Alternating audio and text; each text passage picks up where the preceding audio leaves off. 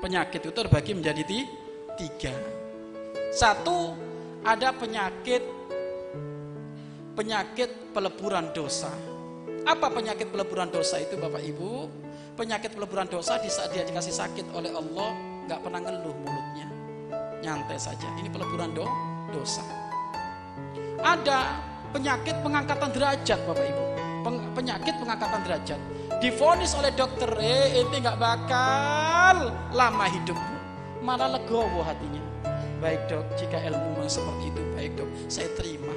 Wong kapan pun kita kok bakal mati, biarkan.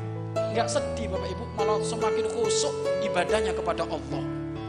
Itu yang kedua. Yang ketiga ada ada penyakit, ada sakit, sakit siksa. Ngeluh terus, marah terus sama pasangannya. Oh, ini sakit siksa ini orang tua kami. Diadab benar oleh Allah itu. Waduh sakit, waduh sakit, waduh sakit, waduh sakit. Terus ngeluh kayak gitu. Ini siksa ini untuk kamu. Padahal kekasih Allah itu Bapak Ibu menganggap sakit itu adalah sebuah pengangkatan derajat. Makanya para kekasih Allah hampir tidak pernah ngomong aduh, aduh, aduh itu nggak pernah Bapak Ibu. Iya kan? Aduh, aduh nggak. Paling Bapak Ibu kalau memang terasa sakit langsung Allah gitu saja. Allah gitu. Astagfirullah. Paling gitu orang tua kami.